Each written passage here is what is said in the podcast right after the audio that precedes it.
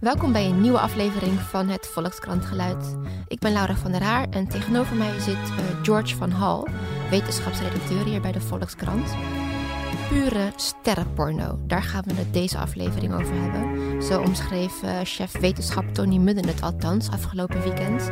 Namelijk de eerste foto die ooit van een zwart gat is gemaakt. Een gigantische wetenschappelijke doorbraak. Snel naar het geluid dus.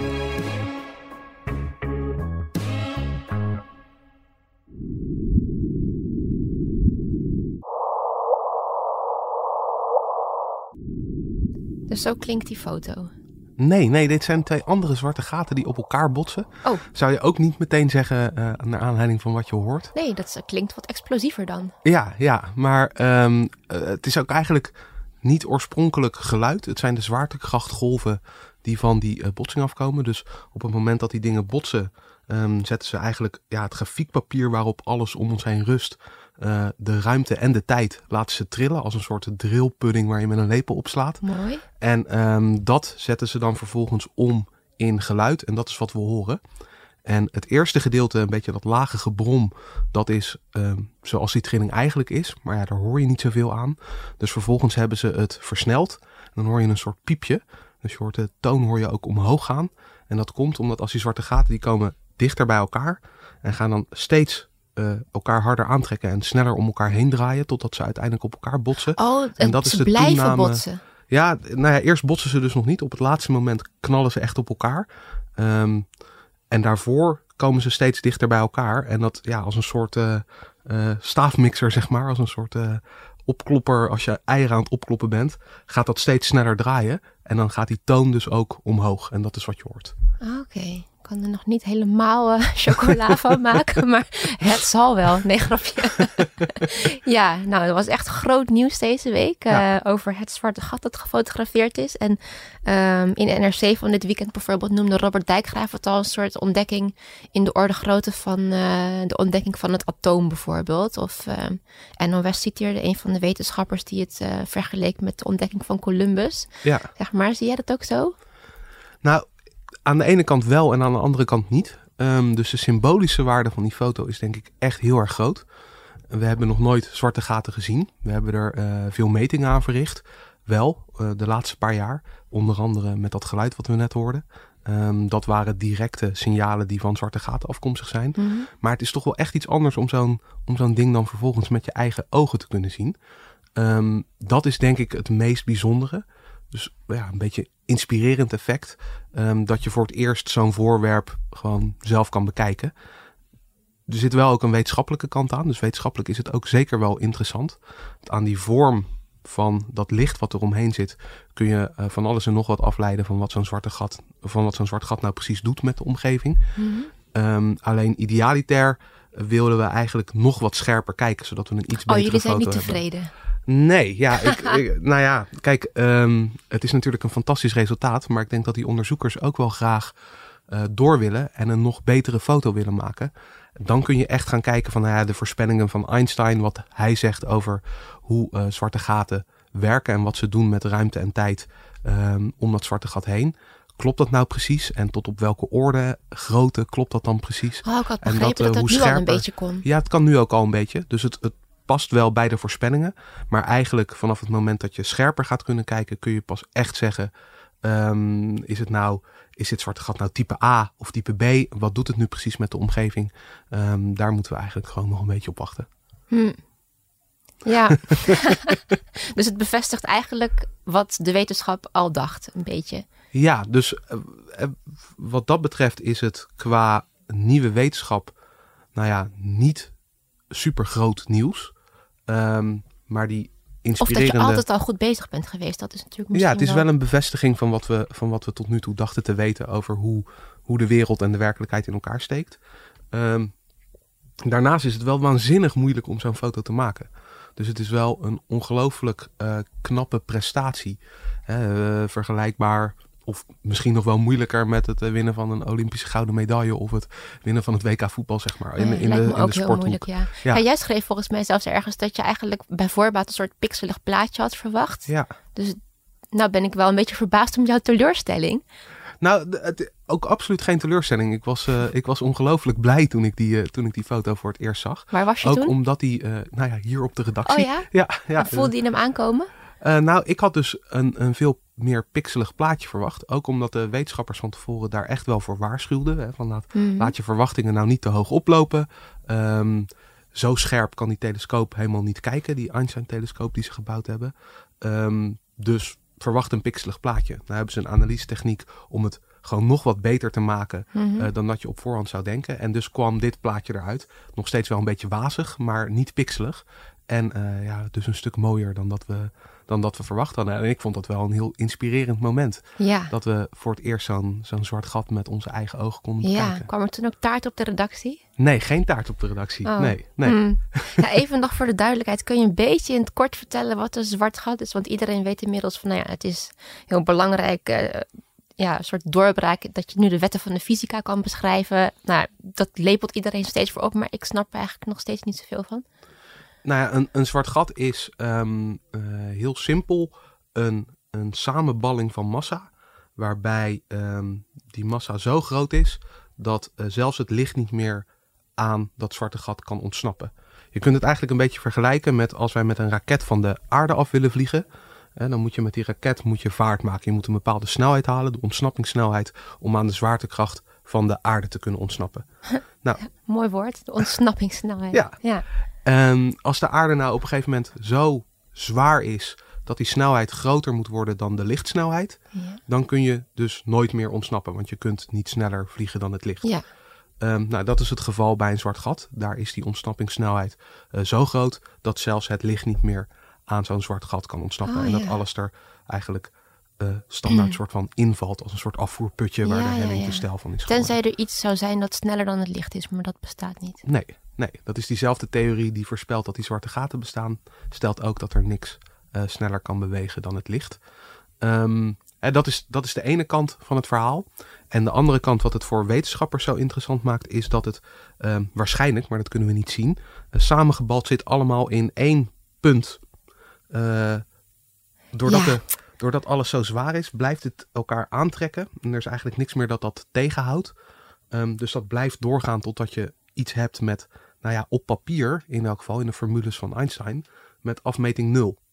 Um, Hoe kan en dat dat nou? noemen ze dan een singulariteit. Ja, dat is, een, dat is echt zo'n iets waar je je eigenlijk niks meer bij kunt voorstellen. Waar je helemaal gek van wordt als je erover nadenkt. Ja, ja. Dat is een beetje het einde van het universum.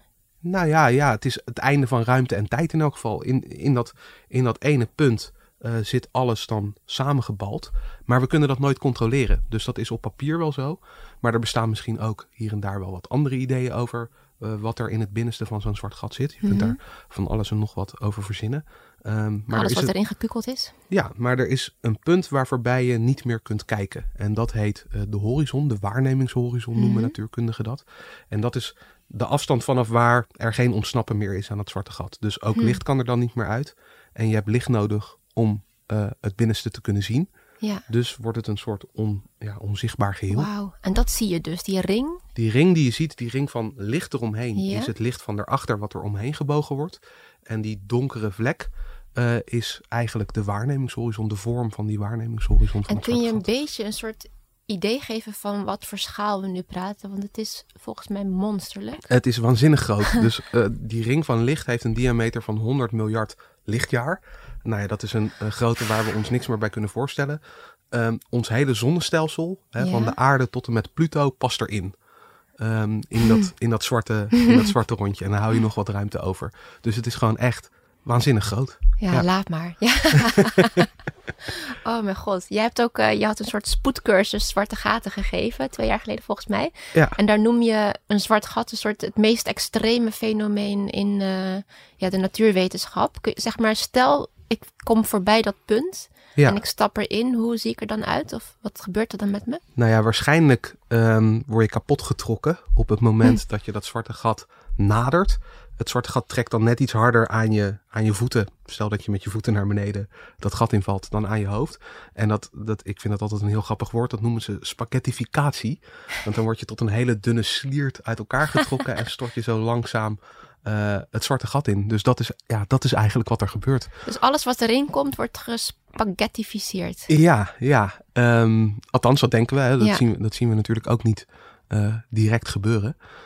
Ehm, stel dat je het wel, een, eh, want het punt waarop dat gebeurt, dat is, niet zo, dat is niet zo zeker. Dus stel dat je het tot voorbij die waarnemingshorizon redt, dan merk je eigenlijk niet per se dat je voorbij die waarnemingshorizon valt. Want het, Huh? is niet, het is niet alsof daar een soort eh, eh, metalen cilinder omheen zit, waar je je even flink doorheen moet wurmen voordat je in het binnenste van het zwarte gat Maar als komt er iets heel hard aan je voeten trekt, dan merk je dat toch wel? dan, dan ga je. Ja, natuurlijk. Dus je, hè, je valt wel naar beneden. Net zoals je op de aarde eh, naar beneden zou vallen. Als, Als je je, in een uit put het, stapt of zo. Ja, of uit een vliegtuig valt of Oh, iets ja. dergelijks. Ja, dan ja, je valt naar beneden en dat, dat, dat merk je wel.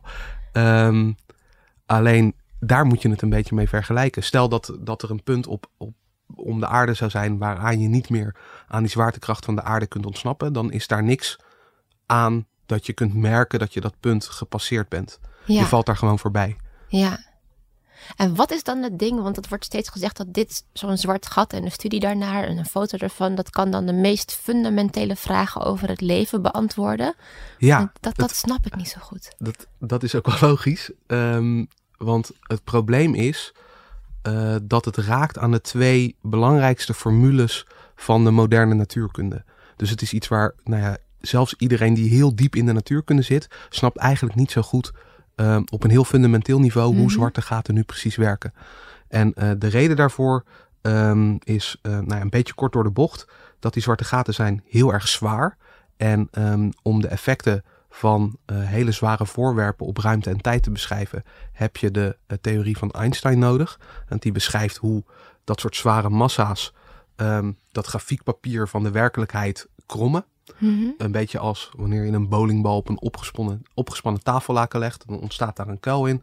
Nou, net zo goed kan zo'n massa eh, ruimte en tijd vervormen. Ehm, tegelijkertijd, heb, zei ik net al, in het binnenste heb je die, die singulariteit, dat, ja, dat soort puntje. Mhm. Eh, dus het is ook heel klein. En als je hele kleine dingen wil gaan beschrijven, dan heb je de eh, kwantumfysica nodig. En eh, die doet allerlei gekke voorspellingen van dingen die op twee plaatsen tegelijkertijd kunnen zijn, bijvoorbeeld op zo'n heel klein niveau.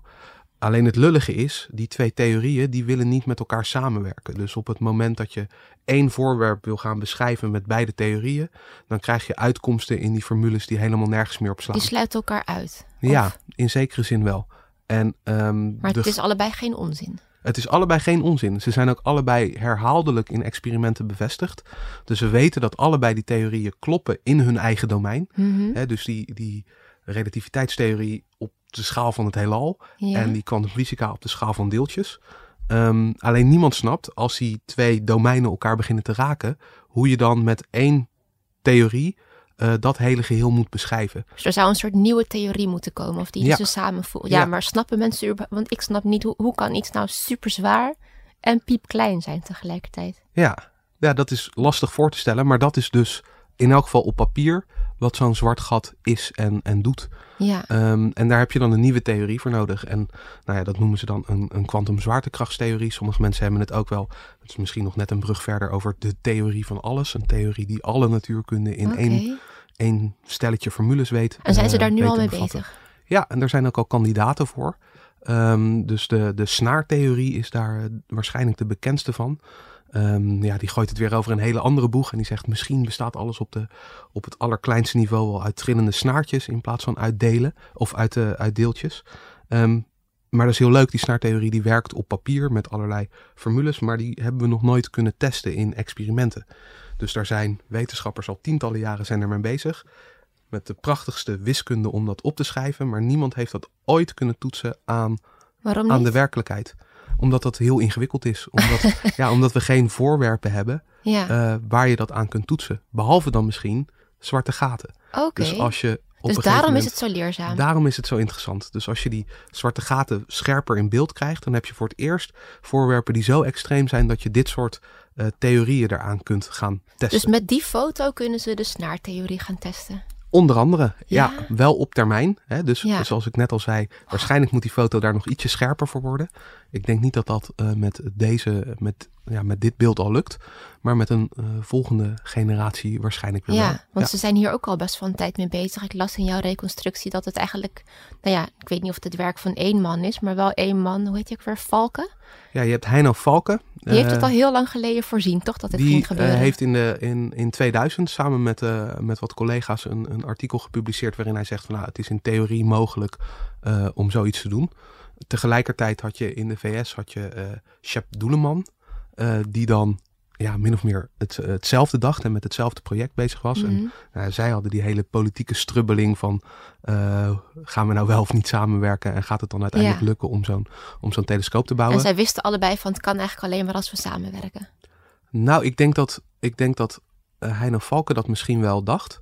Ja, want jij beschrijft hem een beetje als iemand die eh, van meet af aan al dacht van oké, ik moet invloedrijker worden, belangrijker en eh, veel geprezen, zodat ik zeg maar zoveel eh, belang bij elkaar heb dat mensen met me willen samenwerken. Want die wist eigenlijk gelijk al van dit is nodig om. Ja, ja, ik denk het wel. Want je moet, eh, ik bedoel, ik heb hem dat niet direct gevraagd hoor, maar eh, je moet een, een, een wereldwijd project opzetten. Omdat je telescopen over de hele wereld moet je aan elkaar knopen om, de, om scherp genoeg te kunnen zien met die telescoop om die foto van het Ja. zwarte gat te kunnen maken. Dus dat, dat impliceert meteen al dat je een soort internationale samenwerking moet ja, opzetten om dat in te bereiken. Nee, nee. Ehm, tegelijkertijd denk ik dat, eh dat Doeleman in de VS dat toch wel echt liever in zijn eentje Oh had ja? gedaan. Ja, ik heb hem dus niet gesproken. Ehm, hij was te druk in de, in de weken voorafgaand aan, eh, nou ja, met Nee. zijn collega's eh, voorafgaand aan die, aan, een, aan die persconferentie. Ehm, maar dat verhaal is heel uitgebreid opgetekend in een, in een boek. Einstein Shadow heet die. Ehm, die had ik eerder al gelezen en er weer bijgepakt voor deze, voor deze reconstructie. ja. Ehm, en daarin wordt wel heel uitgebreid zijn rol beschreven. En ook dat hij het toch wel een beetje als een, ja, als een soort eigen project zag. Wel met, nu zijn, het over Valken, toch? Nee, over die over doeleman. Doeleman. Oké, ja. wel met zijn eigen clubje eh, mensen om zich heen. Ah, Oké. Ehm, maar hij heeft daar ook zijn, ja, een beetje zijn carrière misschien niet helemaal voor op spel gezet. Maar wel helemaal in het teken van, die, van het opzetten van die telescoop gebracht. Ehm, er was een punt waarop zij een eerste resultaat hadden uit het centrum van onze melkweg. Daar zit ook zo'n zwart gat. Zo'n ander zwart gat dan degene die ze uiteindelijk op de foto hebben gezet. En ehm, dat impliceerde al een beetje van nou, als we het eh, door gaan zetten, dan, dan gaat het misschien op termijn wel lukken om die foto te kunnen maken. En dat was het moment waarop die doeleman besloot, oké, ik, eh, ik stop met alle andere dingen. Mhm. Ehm, en ik ga me alleen nog maar richten op het, eh, op het maken van die foto. Tegelijkertijd had die Valken dus die andere eh, tactiek eigenlijk. Die dacht van, nou ja, als ik mezelf bekender maak en wat meer prestige krijg. En dan krijg ik misschien ook wat meer politieke eh, Mhm. kracht om, eh, ja. om dit project te kunnen gaan doen. Ehm, en daarvoor wilde hij uiteindelijk dan gaan samenwerken met, met Doeleman. Dat is bijna wel nobel, zeg maar, samen willen werken met iemand die eigenlijk geen anderen in zijn werk duldt. Ja, nou ja, ja ik, weet niet of het, ik weet niet of het nobel is. Het is ook gewoon wel nodig.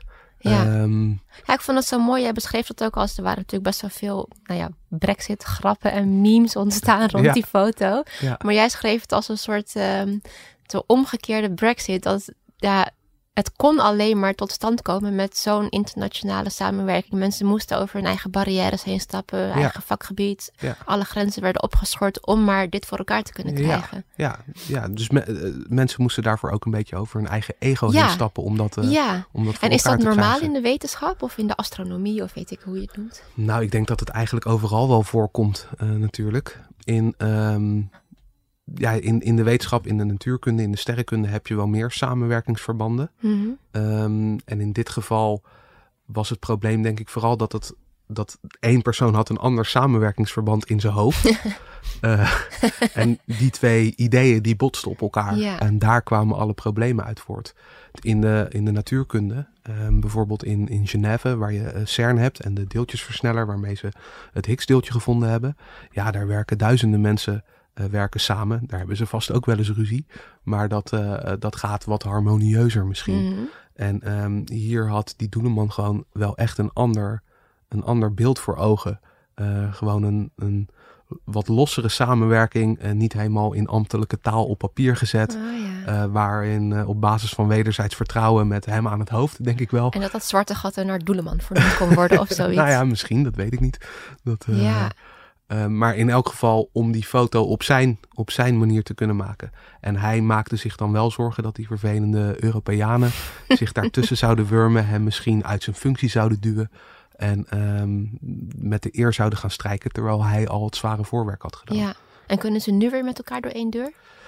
Nou, dat, dat weet ik niet zo goed. Ehm, eh, toen ik daarnaar vroeg, eh, zei, eh, gaf uh, Heino Valken gaf het diplomatieke antwoord dat op, op het lagere niveau van eh, postdocs en, eh, enzovoort, dat het eh, team hartstikke goed samenwerkt en dat ze heel goed met elkaar Oké, door één dat deur zegt kunnen. al genoeg. Dus dat zegt waarschijnlijk wel genoeg. ja.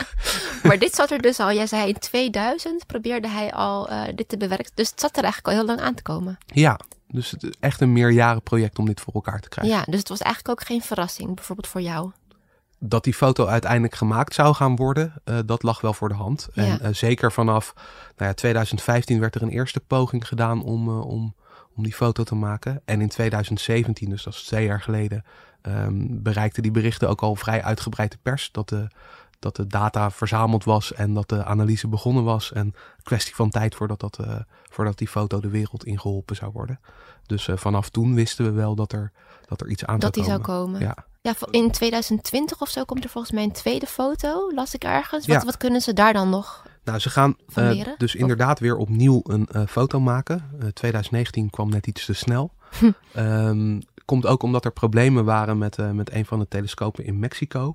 Eh, die hebben ze toen op een gegeven moment besloten om eh, die uit het waarneemgeheel te halen op het moment dat een, een stel astronomen na een waarnemingsavond ehm, met twee busjes, door twee busjes met gewapende mannen werd, werden gestopt en eh, mochten uiteindelijk wel door. Dus er is niks gebeurd. Maar toen begonnen ze te denken, Huh? Misschien is de politieke situatie in Mexico toch niet zo veilig Oh, meer. serieus? Dus Ja. door zoiets banaals Ja. is die foto En- minder scherp? Nou, eh, bij die van eh, 2017, die waarneming, heeft die eh, telescoop nog meegedaan. Oké. Eh, maar eh, die van 2018, toen hebben ze nog een keer Oh, een foto oh. genomen. Eh, toen deed hij al niet meer mee. Ehm, en daardoor is die foto waarschijnlijk eh, mislukt. Wat erg. Ja, dat is eigenlijk wel heel erg zuur. Ja, Ehm, maar er staan nu weer nieuwe telescopen op stapel die erbij gaan komen. oké. en voor die in Mexico 2020. doet dan niet mee. Waarschijnlijk niet. Nee. Ehm, Gênant zeg. Ja, wel een beetje jammer, hè? en dan, eh, nou ja, dan de hoop is dus op het moment ehm, dat ze er telescopen bij hebben, komt er eentje in Groenland en eentje in Afrika eh, komt erbij. Dan bestrijk je weer een groter deel van het aardoppervlak. Ja, En ehm, hoe, hoe groter stuk je gebruikt om die waarnemingen te doen, hoe scherper je kunt zien. Dus de hoop is dat als, dat, nou ja, als het in 2020 lukt, dat is natuurlijk nog niet helemaal zeker, eh, dat ze dan een scherpere foto kunnen nemen dan degene die we nu hebben gezien. ja. En wat, wat kunnen ze daar dan nog meer mee dan met wat ze nu kunnen? Nou, op het moment dat je die foto scherper hebt, dan kun je hopelijk, maar ik weet niet precies waar dat omslagpunt zit, eh, antwoord gaan geven op de vragen, eh, de theoretische voorspellingen die je bijvoorbeeld vanuit de snaartheorie, vanuit andere theorieën kunt doen over hoe dat soort zwarte gaten zich zouden moeten gedragen, eh, kun je dan gaan testen. Eh, dus het is nu al zo dat met die, die wazigere foto eh, kun je niet zomaar meer alles eh, bedenken en roepen. Als het maar in formules op papier Oh, werkt, ja, dan is het oké. een paar dingen afgevallen. Er zijn, er zijn al wel wat dingen afgevallen. En je moet je in elk geval houden aan wat je ziet op die foto. Ja. Als je met een nieuwe theorie op de proppen komt. En eh, zodra die foto scherp is, gaat er nog meer afvallen. En uiteindelijk, misschien, Hou hopelijk, je dan weten, we, de bouwstenen van het leven over? weten we exact hoe, eh, hoe de wereld in elkaar zit. Nou, Ja, superleuk. Dan spreek ik je weer in 2020. helemaal Dank je wel dat je hier wilde zijn.